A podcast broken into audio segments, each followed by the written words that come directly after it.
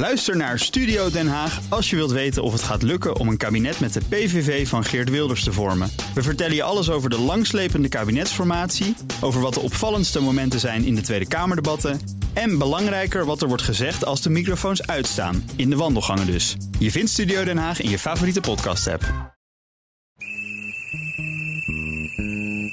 Van de arend en de snelheid tot de hondenkop en de dubbeldekker. En van de boemel tot de watloper, de sput en de sprinter. En van de Orient Express tot de Thalys en de Vira. Het stalen monster zeide bij zijn komst in Nederland angst, maar leidde ook tot euforie. Niets reed zo snel als de trein. Maar kan het nog sneller? En kunnen er nog meer treinen rijden? En ook allemaal op tijd? En hoeveel treinen passen er eigenlijk op ons spoor? NS zou nu gouden tijden moeten beleven. Spoorboekeloos rijden, minder vertraging en tevreden reizigers. Maar het liep anders. Propvolle treinen, een record aantal klachten en een schreeuwend personeelstekort. Terwijl Europa druk uitoefent om het spoormonopolie in Nederland te doorbreken. Toch is het niet de eerste keer dat de toekomst van de Nederlandse spoorwegen in gevaar is. Kan NS zichzelf weer opnieuw uitvinden? Mijn naam is Ruben Eg. En ik ben Martijn Rijk.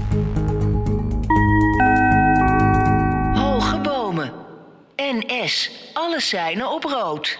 Aflevering 3. Wissels.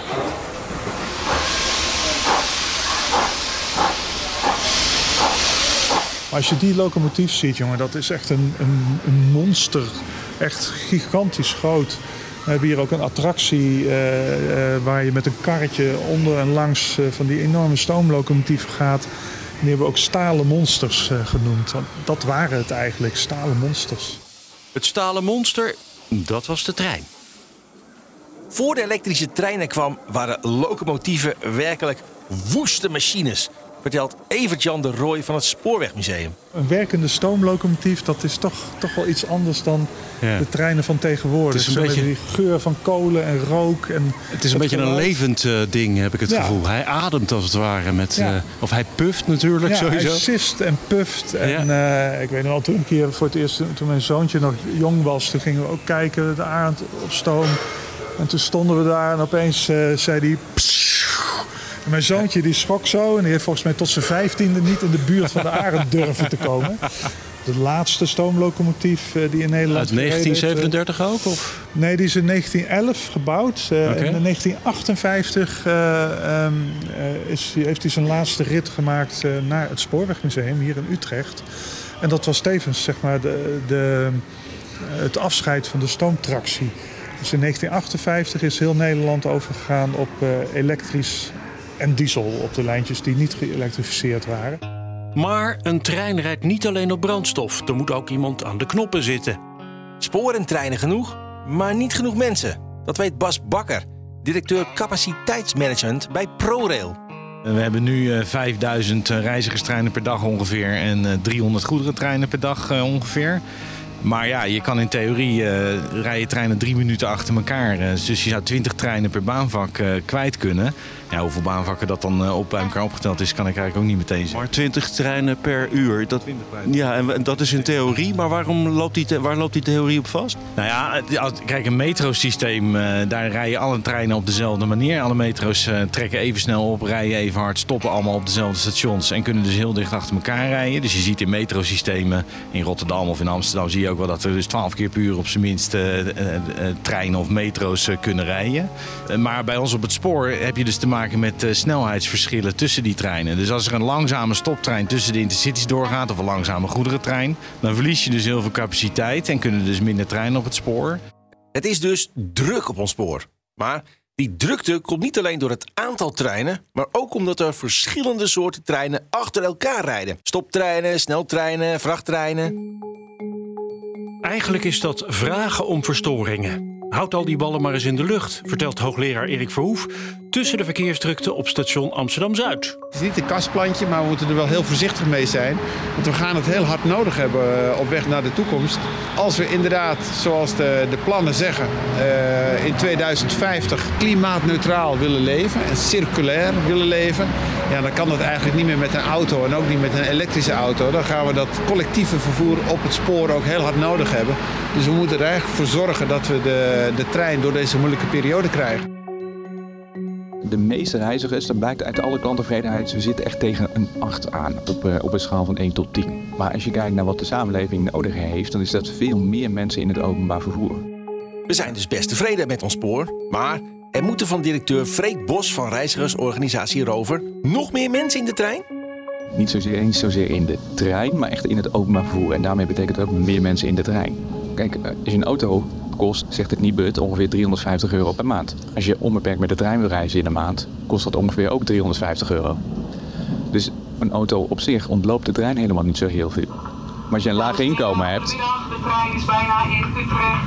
Rijdt verder door via Gouda naar eindbestemming Den Haag Centraal. Nee, dus wat, wat ik zei is, als je een laag inkomen hebt, is 350 euro echt heel erg veel. Eh, en dan heb je alleen nog maar de trein, heb je geen bus. En probeer maar eens met het openbaar vervoer eh, in een ploegendienst eh, op een industrieterrein in, eh, nou wat zullen we zeggen, de haven van Den Helder. Probeer daar maar eens met het openbaar vervoer te komen om 11 uur avonds. Of naar huis na, ja, na afloop van je ploegendienst. Dat vraagt echt om een hele andere inrichting van het land en van het openbaar vervoer. Hoe gaan we die mensen nou in het openbaar vervoer krijgen? Elk jaar groeit de bevolking en dan moeten er straks ook nog mensen bij die de auto laten staan. En ons spoornet is al zo druk. Past dat allemaal wel, Bas Bakker van ProRail?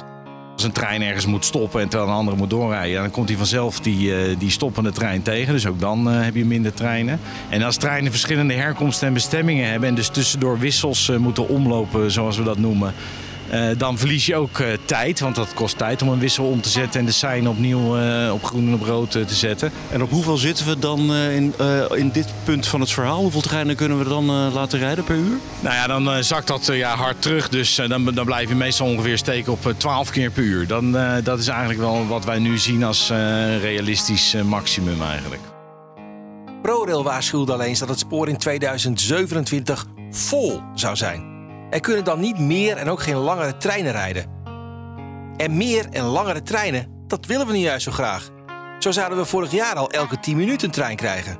Zit het Nederlandse spoor nou echt een beetje aan zijn grenzen? Waar, is- waar is die ruimte nog te vinden?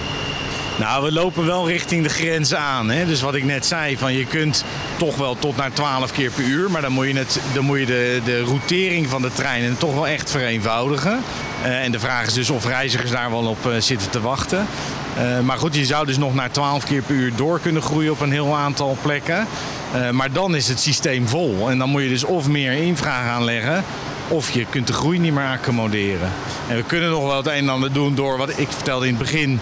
Dat treinen ongeveer drie minuten achter elkaar aanrijden.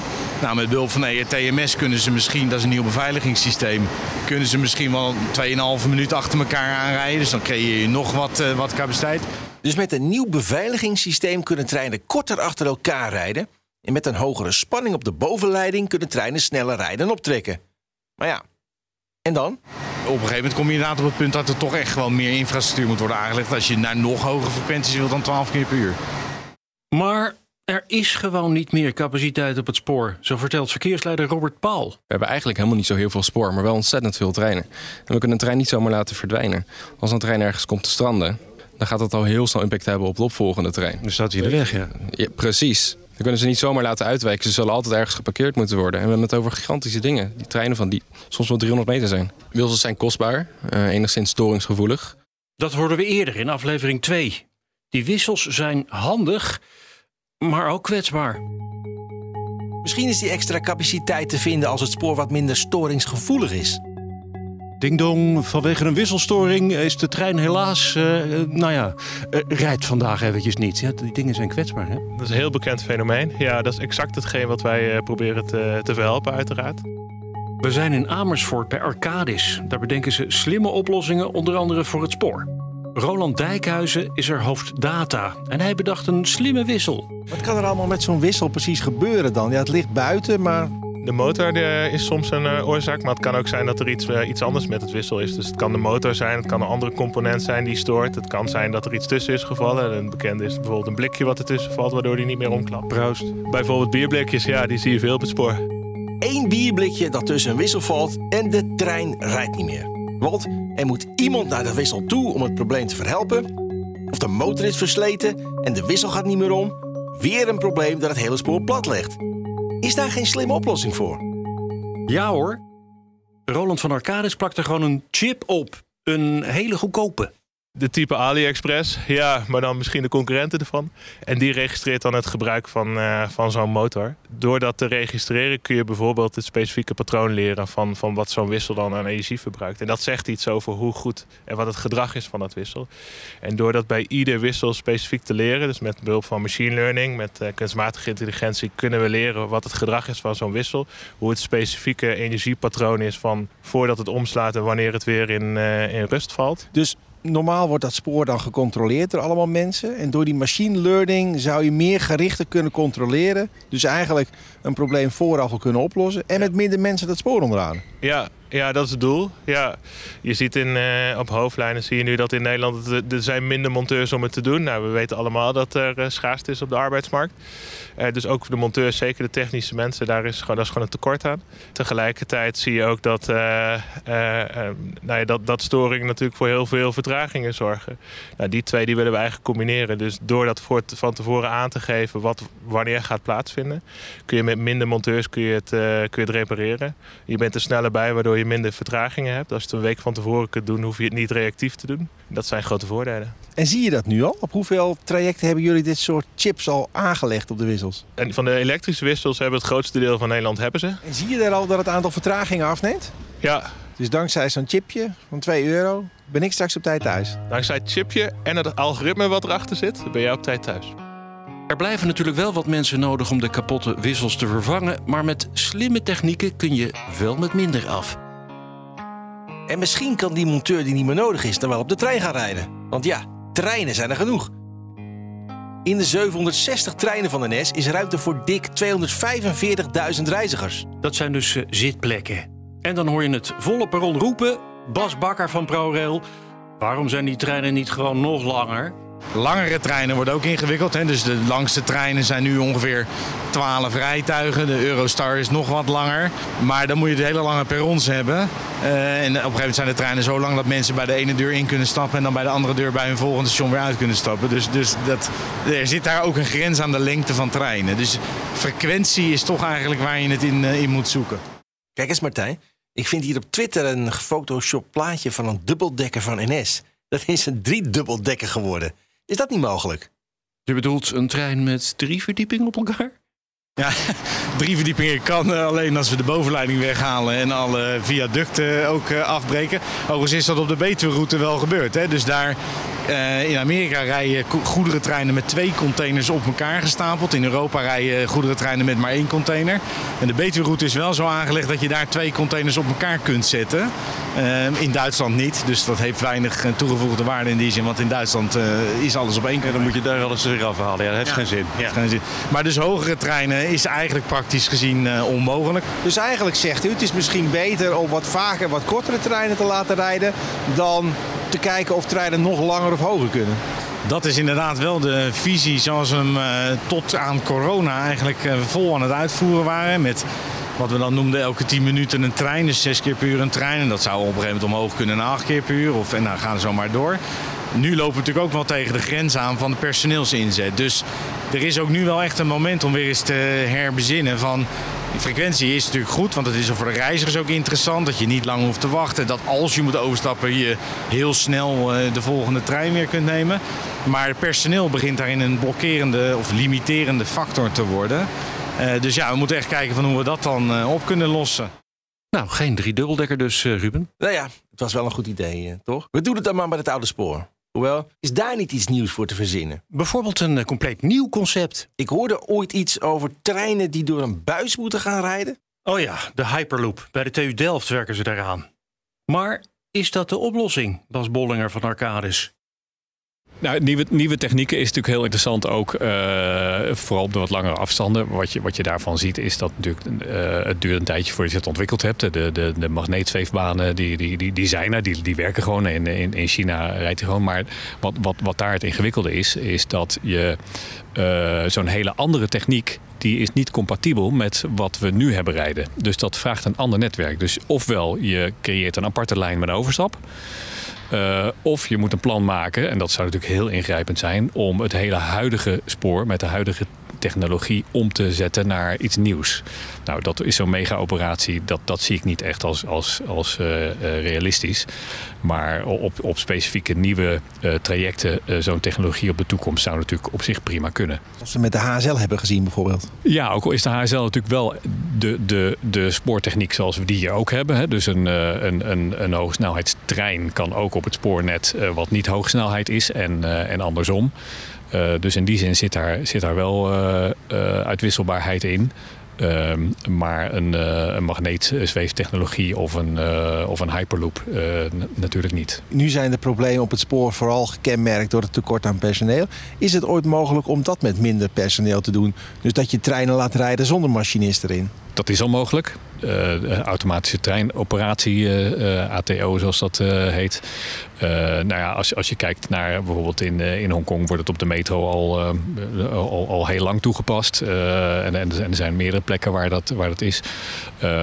in, in, in Nederland wordt er ook mee geëxperimenteerd. Recent heeft ProRail er nog een een, een, een, trial mee, mee gedaan. Dus, dus die technologieën die zijn zeker in ontwikkeling. Het gaat natuurlijk ook over wat vinden we acceptabel, wat vinden we uh, dat, hoe, hoe het eruit moet zien. Want eigenlijk vinden we het ook wel veilig gevoel als er toch wel iemand op zit. Uh, maar, maar technologie die gaat natuurlijk heel, heel snel op dat, op dat gebied. Dat weet ProRail ook. We laten de techneuten even aan het woord. Regionale vervoerders, zoals wij dat noemen, dus partijen als Arriva en uh, Qbus en Keolis bijvoorbeeld, uh, die rijden zonder conducteur. Uh, dus daar doet de machinist die doet het hele vertrekproces. En nou ja, daar kunnen wij ons spoorsysteem eventueel, als dat nodig is, ook wel voor doen. Je kan ook op een gegeven moment denken, zijn machinisten op alle fronten nodig? Hè? Dus ik, ik, verwacht dat je machinist tot wel in een hele lange tijd nodig zult hebben, omdat het spoorsysteem toch wel vrij veel invloeden van buitenaf heeft, waar je graag menselijk toezicht op hebt. Maar je kunt je voorstellen dat het voorrijden van een trein vanaf een rangeerterrein, dat dat geautomatiseerd wordt. Zodat je dus minder machinisten nodig hebt die de trein langs het perron zetten. Nou ja, daar moet dus het systeem, ook het infrasysteem, wel op aangepast worden om dat mogelijk te maken. Dus in die zin kunnen we daar wel bij helpen. Hoe snel gaat dat uiteindelijk? Wat, wat, hoe denkt u dat het spoor er over misschien tien jaar uit kan zien? Als het dan in ieder geval gaat over technologie versus personeel? Ik denk dat eigenlijk kijk, bij, bij, bij spoor draait alles om veiligheid. Het gevolg is natuurlijk dat het daarmee misschien niet zo snel gaat als dat het uh, zou kunnen als je dat los zou laten. Maar uh, er, is, niemand die, uh, die natuurlijk ook maar enige concessie wil doen aan, die, aan die veiligheid. En nou, dat, dat bepaalt ook het tempo waarmee het in de systemen kan worden ingebracht en, en, en uitgerold. Ja, dus die 7 mijls stappen, die gaan echt stapje voor stapje voordat je ze pas kunt maken. Ja, stapje voor stapje. Uh, heel zeker weten, goed toetsen uh, en, dan, uh, en dan weer het volgende stapje. Het is al eventjes genoemd in deze aflevering, het ERTMS, het European Rail Traffic Management System. Met dat ERTMS kunnen treinen dichter op elkaar rijden en er kan zelfs onder omstandigheden zonder machinist worden gereden. Bas Bakker van ProRail, die weet vast wanneer het er ligt. Nou, we zijn nu uh, bezig met het uh, begin, beginnen van het invoeren van ERTMS. Er ligt overigens al ERTMS tussen Amsterdam en Utrecht. Er ligt al ERTMS op de hoge snelheidslijn. Dus, en op de Betuwe-route ligt ook al ERTMS. Dus er zijn al plekken in Nederland waar dat ligt. Wordt niet overal gebruikt. Dus tussen Amsterdam en Utrecht wordt het op dit moment niet gebruikt. En vanaf 2025 begint de invoering van dat systeem in de rest van Nederland. Ja, ze zijn het nu aan het voorbereiden natuurlijk. dus dan moet er rondom Amsterdam moet, ERTMS ingevoerd gaan worden. En tussen de Vijfhoek, rangeerterrein bij Rotterdam en België wordt, uh, wordt als eerste ERTMS ingevoerd op een hoofdas. En in Noord-Nederland, in Friesland en Groningen zijn we nu ook bezig met de voorbereiding van ERTMS. Dus dat begint nu. Dat duurt alleen wel heel erg lang. Dus we zijn ook aan het kijken of we dat op de een of andere manier weten te versnellen. Want zo'n digitale basis voor de besturing van je treinenloop is wel echt de toekomst. En ook wel echt nodig om die hoge frequenties waar we het dus eerder over hadden. En eventueel ook het automatisch laten rijden van treinen mogelijk te maken. Dus de toekomst komt eraan. Dingen om slimmer met materiaal om te gaan en om treinen sneller en met misschien wat minder mensen te kunnen laten rijden. Maar het aanleggen, dat duurt even. En je moet dus eerst duizend procent zeker weten dat het ook veilig is. Alleen als je naar iedere klussen kijkt, overal een bovenleiding plaatsen, dat duurde een halve eeuw. Maar als een innovatie er eindelijk is, dan komen er ook heel snel allemaal nieuwe dingen. Dat zag je met dat elektrische spoor. Dat was ook het einde van de stoomtractie. En wat nam nou die, stoom, die stoomlocomotief uh, over? Dat waren zeg maar stroomlijntreinen. En dat waren uh, ja, met motor, motorrijtuigen. Hè. De, een beroemde is de hondenkop bijvoorbeeld. Hè. Die, die, uh, nou, dat is een trein die iedereen, ja, iedereen wel kent. Met, met de bolle neus. En die heeft ehm, vaak als, als sneltrein gereden. Uh, en, en die had gewoon, zeg maar, ja, die had geen losse locomotief nodig. En, uh, dus dat was gewoon één, één trein met een aantal bakken, zoals ze dat noemen. Met dat nieuwe elektrische spoor had NS ook allemaal nieuwe treinen nodig. Maar NS zat in de jaren 60 diep in de rode cijfers. En ze moesten die treinen dus ergens voor spotprijsjes vandaan halen. En die hadden allemaal een andere kleur. Bruin, groen-blauw, oranjeachtig. Het was eigenlijk een beetje een rommeltje. Waar kwamen al die kleuren eigenlijk vandaan? We staan hier bijvoorbeeld naast een turquoise uh, trein. Het verhaal gaat dat FQ Den Hollander, dat was destijds de baas van de spoorwegen, in Frankrijk uh, naar de fabriek ging om te kijken hoe het vorderde met de bouw van deze locomotief. En dat hij zijn vrouw had meegenomen. En dat er toen een keuze gemaakt moest worden van wat voor kleur moet die trein dan krijgen. Dat mevrouw Den Hollander zei van, uh, nou, ik vind dat turquoise eigenlijk wel mooi. en dus is het turquoise uh, geworden. Nou, ik geloof dat na vier jaar al deze treinen donkerblauw zijn geschilderd. Want dit was natuurlijk helemaal niet praktisch. Het was enorm besmettelijk en uh, uh, het was ook heel moeilijk schoon te krijgen. Nou, zet dat maar eens naast die huidige strakke treinen. Dat is allemaal begonnen met een huisstijl die de toen piepjonge ontwerper Gert Dunbar in de jaren 60 bedacht. Het is een heel grappig verhaal. Ik heb veel s'nachts gewerkt, en dan krijg ik inspiratie. En een gegeven moment, midden in de nacht, toen kwam mijn vrouw binnen en uh, hoe ben je weer bezig? En toen zei ik, ja, ik zit na te denken over de kleuren van de trein. Ik had iets, van, iets met rood en zo. Toen zei ze, waarom toen is ze niet geel? Dat is actief. Toch weer een vrouw die... Uh... Ja, ja, de vrouw achter de man. En dat vond ik een ontzettend goed idee. En toen ben ik dat uitgewerkt. En ja, dat was echt... Uh, daar zat die dynamiek in. Dat was dat, ja, dat jongen ook. Hè. En zoals ik al zei, als een trein binnenkomt in een station, dan komt er ineens licht. Maar toen gebeurde er iets anders. En dat vond ik ook wel ontzettend grappig. Er waren een aantal uh, conducteurs die weigerden in die gele kanarie te rijden of in de gele banaan. Dat gaan we niet doen. En waarom niet? Nou, dat was een rare kleur zeg. We krijgen nou wel altijd in een groene trein gereden of in een blauwe of in een weet ik wat. Dus daar gaan we niet in rijden. Weet je wel, dat soort prachtige effecten. Maar dat is toch, gezien het succes wat het toen had, is dat vrij snel weggeëpt. Die weerstand om in de, in de gele kanarie. Zeg ik, ja, vroeger hebben jullie in knakworsten gereden. Nu weet je wel, zoiets was het. Echtgenotes die de kleur uitkiezen, van een knakworst tot een banaan. Welkom in de trein. Maar een half eeuw later is die banaan er nog steeds. En ook aan dat logo dat Gert Dunbar in het midden van de nacht bedacht, is helemaal niets veranderd. En met die gele treinen en een moderne huisstijl werd de trein populair. De reizigersaantallen die groeiden gestaag uh, en, uh, in de jaren 70 en de jaren 80.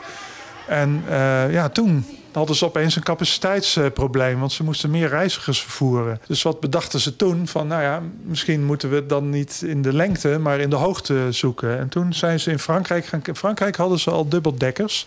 En toen hebben ze hier een proef gedaan met die Franse rijtuigen. En uiteindelijk hebben ze dus zelf uh, ook uh, dubbeldekkers uh, aangeschaft. Die verschilden op een paar punten met de Franse rijtuigen onder andere de deuropeningen, die moesten hoger. Omdat de ja. Nederlanders, de Nederlanders die zijn langer dan, lang de, dan de Fransen. Dus zeg maar, de, de deuren zijn hoger, er is iets meer benenruimte. En, uh, dus nou, je kon uh, boven elkaar uh, zitten. En, dus dat, dat leverde echt een, een stuk meer zitplaatsen op. En dat was hard nodig in de jaren tachtig. Zo wist NS zichzelf toch elke keer weer opnieuw uit te vinden voor een andere tijd? Ja, dat zou je zo kunnen zeggen. Het is natuurlijk de vraag waar het naartoe gaat. Een toekomstbeeld van uh, ja, geen rails, maar een zwevende trein door een vacuümbuis. En uh, ja, wellicht dat over 50 jaar we eigenlijk gewoon helemaal geen rails meer hebben liggen. Maar dat we door, gewoon door tunnels zweven. Daar is die Hyperloop weer. Zweven door tunnels. Maar dat laat dus nog wel een halve eeuw op zich wachten. Want als het eindelijk is uitgevonden, dan moet je het ook toch aanleggen. En dat gebeurt niet zonder slag of stoot, hebben we eerder gehoord. Voorlopig doen we het dus met de trein en het oude vertrouwde spoor. Het lijkt heel simpel, een trein rijden. Maar is het wel zo simpel? En hoeveel mensen heb je daar nou precies voor nodig? En waar haalt NS al die mensen vandaan om genoeg treinen te kunnen laten rijden? Ja, gaat NS ooit die bizarre personeelstekorten oplossen? Dat hoor je in aflevering 4 van Hoge Bomen. NS. Alles zijn op rood. En die rode knop? Dat is eigenlijk gewoon een noodremming. Als je daarop drukt, dan uh, wordt je trein gelijk stilgegooid. Dan gaat hij echt gewoon vol in de, in de touw? Ja, vol in de remming. Wauw, dan zit je dus echt, uh, als je iets in de verte ziet, dan zit je er al een beetje bijna doorheen, hè? eigenlijk. Ja, eigenlijk wel, ja. Dus uh, maar hopen dat het niet nodig zal zijn. Nee, ik hoop het zeker niet. Gewoon vanaf blijven eigenlijk.